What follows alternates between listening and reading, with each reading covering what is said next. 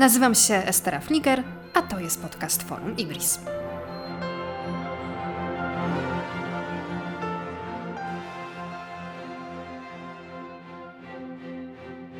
Dzień dobry Państwu, Państwa i moim gościem jest dzisiaj e, doktor habilitowany Łukasz F. Derek, adiunkt e, w Instytucie Bliskiego i Dalekiego Wschodu Uniwersytetu Jagiellońskiego, politolog, analityk spraw międzynarodowych, ekspert do spraw Bliskiego Wschodu. Dzień dobry. Dzień dobry.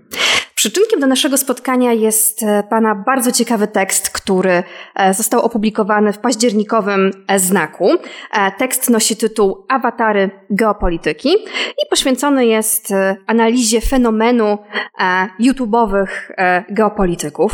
I moje pierwsze pytanie dotyczy o źródła tego fenomenu, a więc Skąd popularność takich kanałów jak na przykład Historia Realna Piotra Zychowicza, na którym bardzo często gości Jacek Bartosiak? No to jest pytanie, na które niełatwo odpowiedzieć, bo wydaje mi się, że tu mamy do czynienia z e, szeregiem e, zmian, które zachodzą i których popularyzacja tej geopolityki w wersji takiej YouTube'owej gawędy geopolitycznej jest e, pewnego rodzaju mm, symptomem.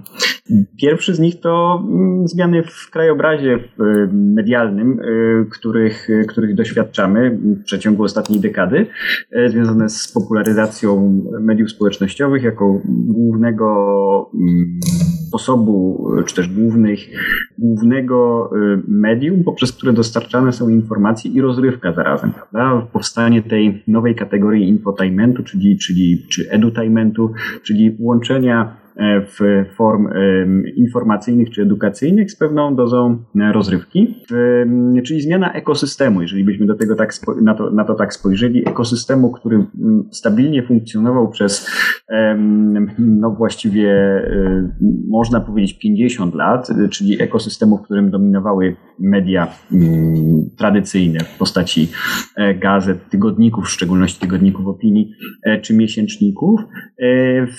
z jednej strony a z drugiej strony radio i telewizja, czy też ten pierwszy internet, internet 1.0, na, na ekosystem, w którym informacje i opinie są rozprzestrzeniane szybciej, na e, jakby gatekeeperami do tego systemu e, nie są e, dziennikarze, jak to dawniej bywało, redaktorzy, którzy filtrują pewne poglądy, czy też dbają o rzetelność dziennikarską, ale coś zupełnie innego i stanowi o tym, kto się w systemie znajduje i kto jest dobrze nim widoczny. I są to algorytmy. Algorytmy, w których, którymi kierują się media społecznościowe przede wszystkim. Zatem Zatem zaczęliśmy funkcjonować w innym ekosystemie informacyjnym, albo można to ująć jeszcze inaczej, posługując się inną metaforą, nie metaforą ekosystemu, a metaforą dietetyczną. Można powiedzieć, że nasza dieta informacyjna składa się zupełnie z innych dań niż jeszcze dekadę temu. I w tej diecie informacyjnej sprawy międzynarodowe są bardzo często właśnie dyskutowane e, przez, e, przez no, amatorów, e, którzy, którzy mają dużo dużą e, elokwencję e, w opowiadaniu swoich narracji, e, no, które cechuje pewnego rodzaju mm, z jednej strony upraszczanie rzeczywistości dość, dość złożonej, rzeczywistości stosunków międzynarodowych, no ale z drugiej strony też potrafią czynić to zajmująco i mm, odwoływać się do tych lęków, obaw, które w społeczeństwie występują, nadziei, własnej wizji, czy własnego takiego postrzegania samych siebie. I to e, ten amalgamat właśnie e, stanowi o warunkach, w których e, rozkwitła gawenda geopolityczna w Polsce.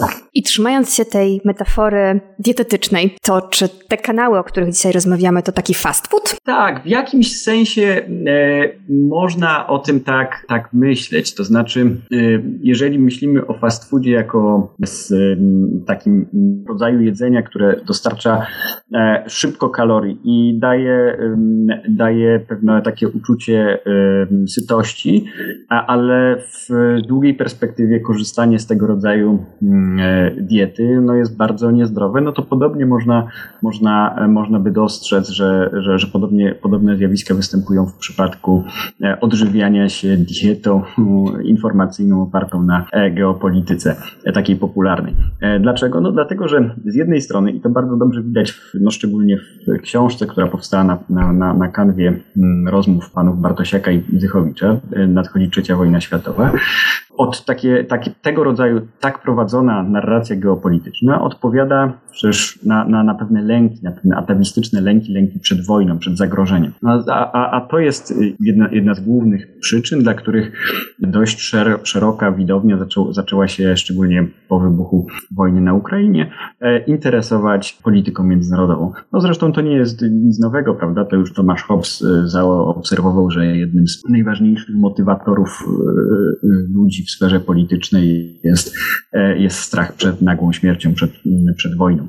E, w związku z czym, podobnie e, jak fast food eksploatuje pewne podstawowe potrzeby, potrzebę zapewnienia pokarmu, tak, można powiedzieć, istnieje całe grono kanałów informacyjnych, które eksploatują potrzebę bezpieczeństwa, czyli też, też coś dość fundamentalnego dla i dość uniwersalnego dla ludzi. I oczywiście to nie jest wyłącznie geopolityka. Tu mamy cały szereg innych mm, ciekawych zjawisk w sferze e, informacyjnej, od e, subkultury prepersów e, poczynając chociażby. No ale jakby mm, to takie bazowanie na takim instynkcie, mm, coś się dzieje, potrzebuje szybko dowiedzieć się na temat tego, co się dzieje na zewnątrz, co się dzieje poza granicami. Chcę to zrozumieć szybko, bez dużego wysiłku, w formie łatwej, przyjemnej i najlepiej nie bardzo wymagającej też pewnej rewizji pewnych moich mm, utartych nawyków myślowych, no to coś takiego oferuje, e, oferuje narracja geopolityczna w takim wydaniu, jakim się spopularyzowała w Polsce. I mm, dwie kwestie e, chciałabym, żebyśmy e, rozwinęli. Forma. W tekście napisał pan: Fenomen geopolitycznego ujęcia stosunków międzynarodowych wśród internautów tłumaczy najzwięźlej jeden z komentarzy pod filmikiem Bartosiaka i Zychowicza. Panowie opowiadają o sprawach skomplikowanych w sposób prosty. Bo nie chciałabym, żeby nasza rozmowa sprowadzała się wyłącznie do krytyki tego zjawiska, ale do takiej głębszej analizy, więc bez wątpienia panowie e, Zychowicz i Bartosiak odnieśli sukces i rozumiem, że jednym z, ze źródeł tego sukcesu, jedną z jego, jego fundamentów jest to, że oni mówią w sposób prosty. Tak, ten, y, przytoczyłem ten, ten, y, ten cytat, ten komentarz, ale ja go słyszałem też y, w, na jednej z debat, której jeszcze lata temu akurat była, o ile dobrze pamiętam, tam, tam obecny był pan doktor Sykulski i e, debatował wtedy z moim kolegą e, z Instytutu Michałem Lubiną i tam padł bardzo podobny komentarz, tak? To znaczy na wszystkie argumenty, które przedstawiał właśnie profesor Lubina, mówiąc o tym, że to no, jest bardzo niedoskonały sposób opisu rzeczywistości, bardzo często ją zafałszowujący. Jedna pań e, na, na widowni właśnie e, podniosła, podniosła ten głos, że no my nie chcemy tracić tej prostoty, my jest, nam ona jest bardzo, bardzo się podoba, jest bardzo potrzebna, proszę nam jej nie zabierać. E, tak cytuję z pamięci, tak, tak zapamiętałem to wydarzenie.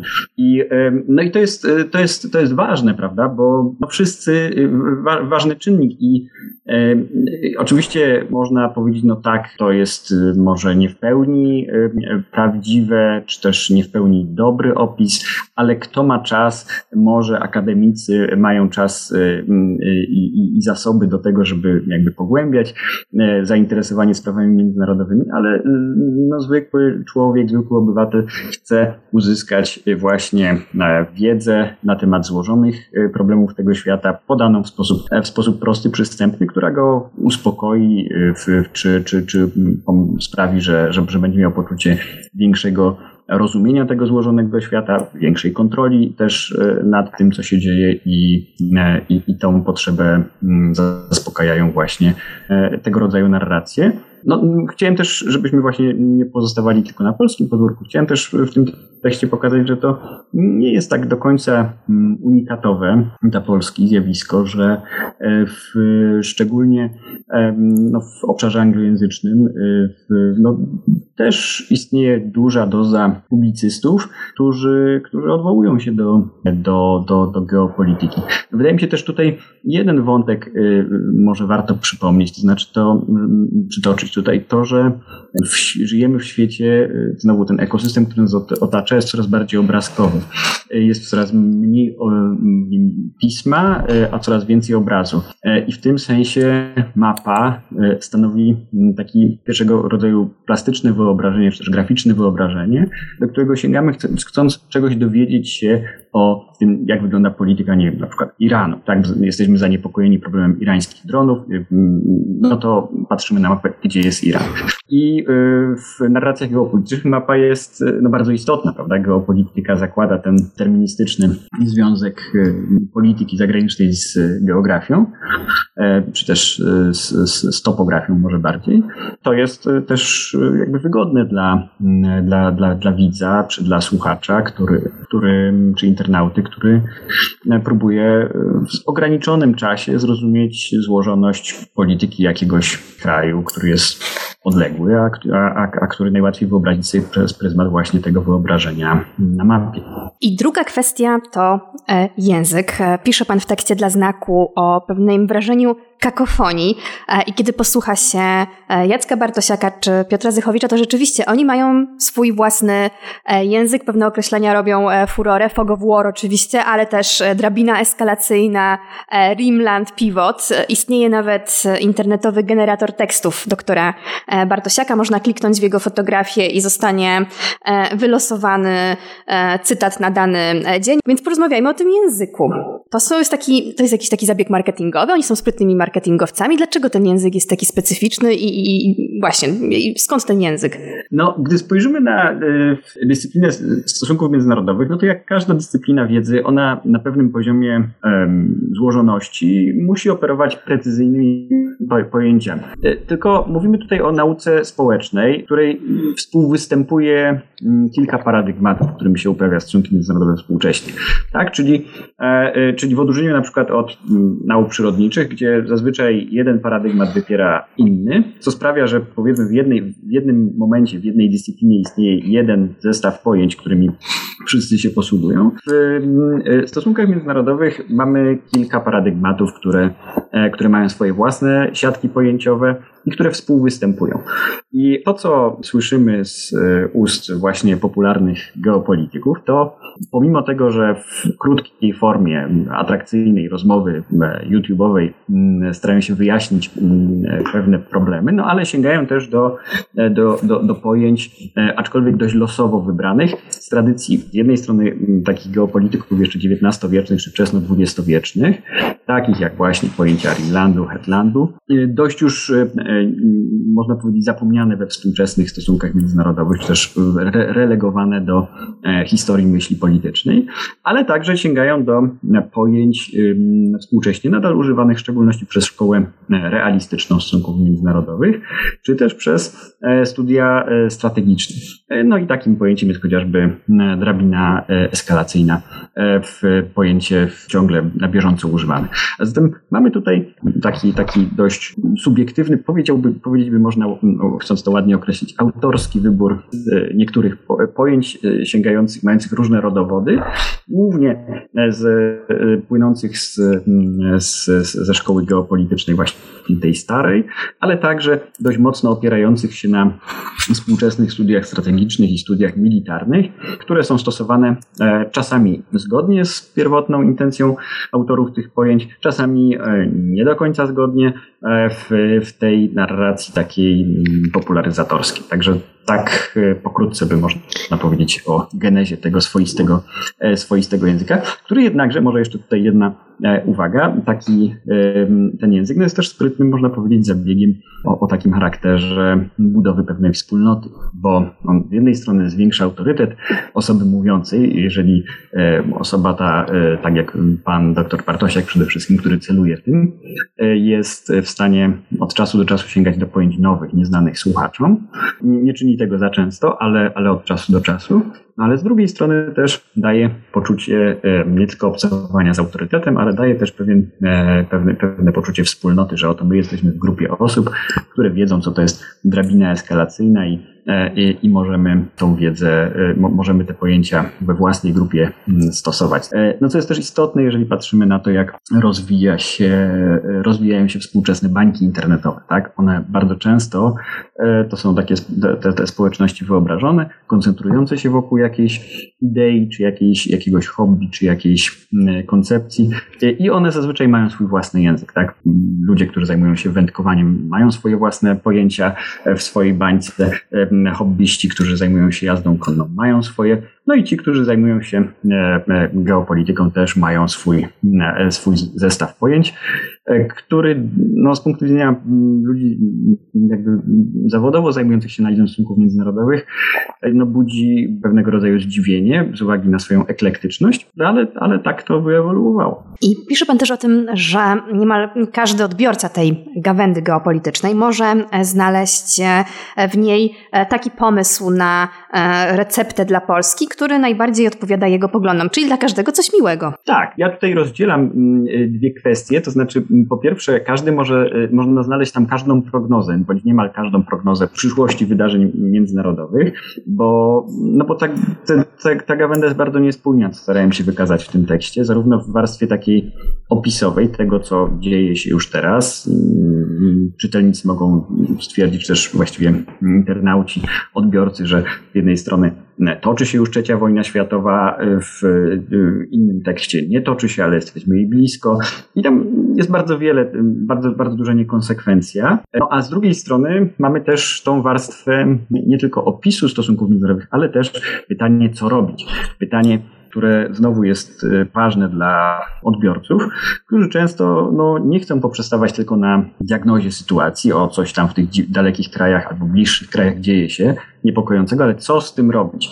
No i tutaj ja osobiście uważam, że tu jest ta, nawet biorąc pod uwagę tą niekonsekwencję, ale ta bardziej wartościowa część tego fenomenu popularnej geopolityki, ponieważ te pytania, e, które, które formułują geopolitycy tacy jak Bartosiak czy, czy Zychowicz, no są stymulujące debatę.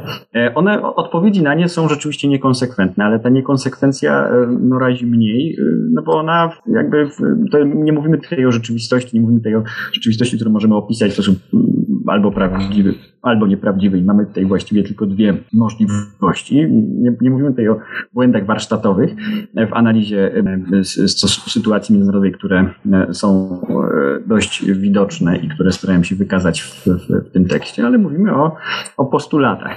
I, I, tutaj dyskusja staje się ciekawsza, ponieważ no, mówiąc o postulatach, o tym, jak ma rzeczywistość wyglądać, no to mm, ta, ten wielogłos mnie osobiście już tak nie razi można, można go właśnie tak potraktować jako pewnego rodzaju próbę znajdywania rozwiązań i, e, i, i, i próbę pobudzania do dyskusji.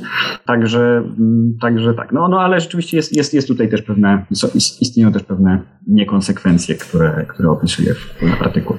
I mm, jeszcze jedna rzecz, która mnie bardzo e, ciekawi, zresztą Pan dotknął tego problemu e, w, w, w tekście, bo przyjrzał się Pan książce poświęconej zagrożeniu trzeciej, trzecią wojną światową, którą e, wydali e, Jacek Bartosiak i Piotr Zychowicz.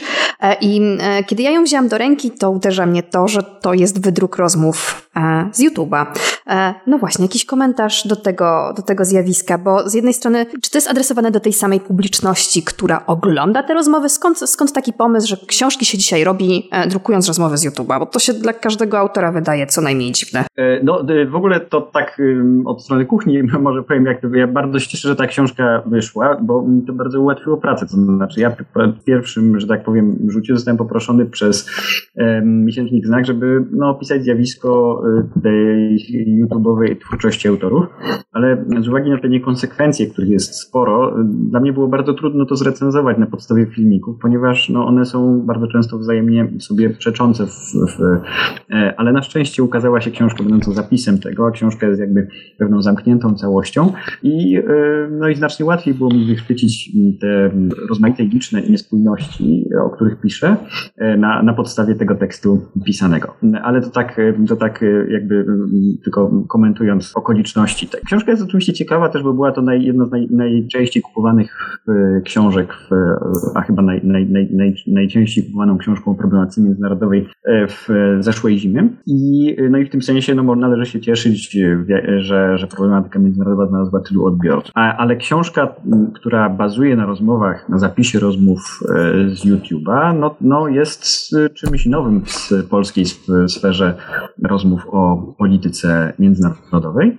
I, y, no i ja, do, ja, ja próbując to zjawisko zrozumieć, odwołuję się do, do intuicji y, Jacka Dukaja zawartych w jego książce po piśmie, jego diagnozy o tym, że właśnie e, odchodzimy od tego, co on nazywa myślunkiem pisma w stronę myślunku przeżywania i to jest dość, dość, dość dobry przykład. To znaczy e, ludzie coraz mniej kupują książki po to, żeby je czytać. E, głównie uzyskują informacje, procesują, formują swoje opinie w oparciu o tym, co widzą w mediach społecznościowych. Natomiast książka, w szczególności książka papierowa nadal ma taki, znaczy nabiera takiego znaczenia pewnego symbolu statusowego, czy symbolu przynależności do grupy. E, książka już mniej e, się czyta, a więcej się z nią fotografuje i wrzuca na swoje media społecznościowe, pokazując przynależność do określonej grupy. I to są e, intuicje Jacka Dukaja, które w moim przekonaniu dobrze się, dobrze się sprawdzają tutaj w odniesieniu do, do tego zjawiska, które, o którym dyskutujemy dzisiaj, czyli tej popularnej geopolityki. I jeżeli tak podejdziemy do, no, do zagadnienia, że treść jest, treść książki jest wtórna, jest czymś wtórnym wobec zapisu wideo czy audio, no to dla wielu czytelników nie będzie to kłopotem, a nawet pewnego rodzaju e, ułatwieniem to, że otrzymują w formie pisanej to, do czego są przyzwyczajeni e, i, i od czego mm, jakby zaczęli e, swoje zainteresowanie daną problematyką, czyli, czyli do rozmowy na YouTubie. No to jest, to, jest, to jest bardzo ciekawe i w jakimś sensie tą tezę też weryfikują e, statystyki sprzedaży, gdzie pomimo książek, nie tylko w Polsce, ale na rynkach światowych, gdzie one ustabilizowały się na pewnym,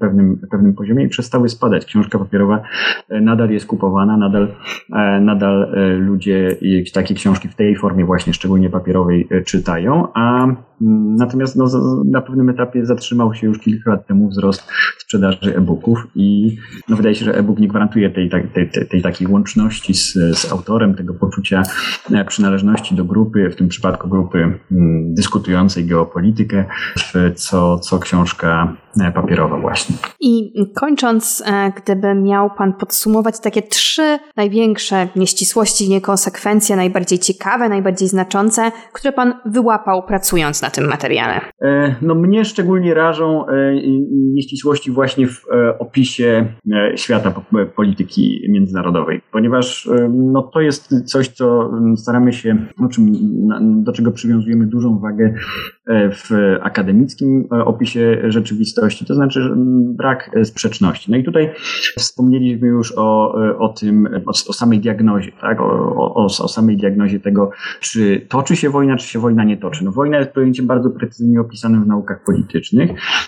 Jacka Bartosiaka i Piotra Zychowicza jest rozciągana na rozmaite e, sfery. Stąd nie wiemy. Ja tu przytaczam szereg cytatów, w których z jednej strony um, autorzy twierdzą, że wojna się toczy, nie, że ona dopiero wybuchnie. No tymczasem to jest sprawa dość oczywista, prawda? E, wojna jako starcie dwóch państw e, lub jednego państwa i jednego aktora niepaństwowego, w której e, ginie e, co najmniej tysiąc osób w wyniku działań wojennych na miesiąc, to to jest taka naj, najpowszechniejsza definicja tego, czym jest wojna. No nie toczy się w wymiarze światowym. Co więcej, takich wojen toczy się coraz mniej, wojen klasycznych międzypaństwowych. Oczywiście konflikt rosyjsko-ukraiński jest pewnego rodzaju też wyjątkiem od tego. Więc to mnie, to mnie ta, ta niekonsekwencja mnie bardzo, bardzo razi. Inne związane są z nową wizją, z tym modelem eksplanacyjnym, prawda? Czyli co z czego wynika. Z jednej strony najważniejszym w stosunkach międzynarodowych jest siła, armia i takich tez pojawia się, takich zdań pojawia się bardzo dużo w tej książce. No ale z drugiej strony w pewnym momencie okazuje się, że to nie armia, ale geografia jest tym podstawowym czynnikiem.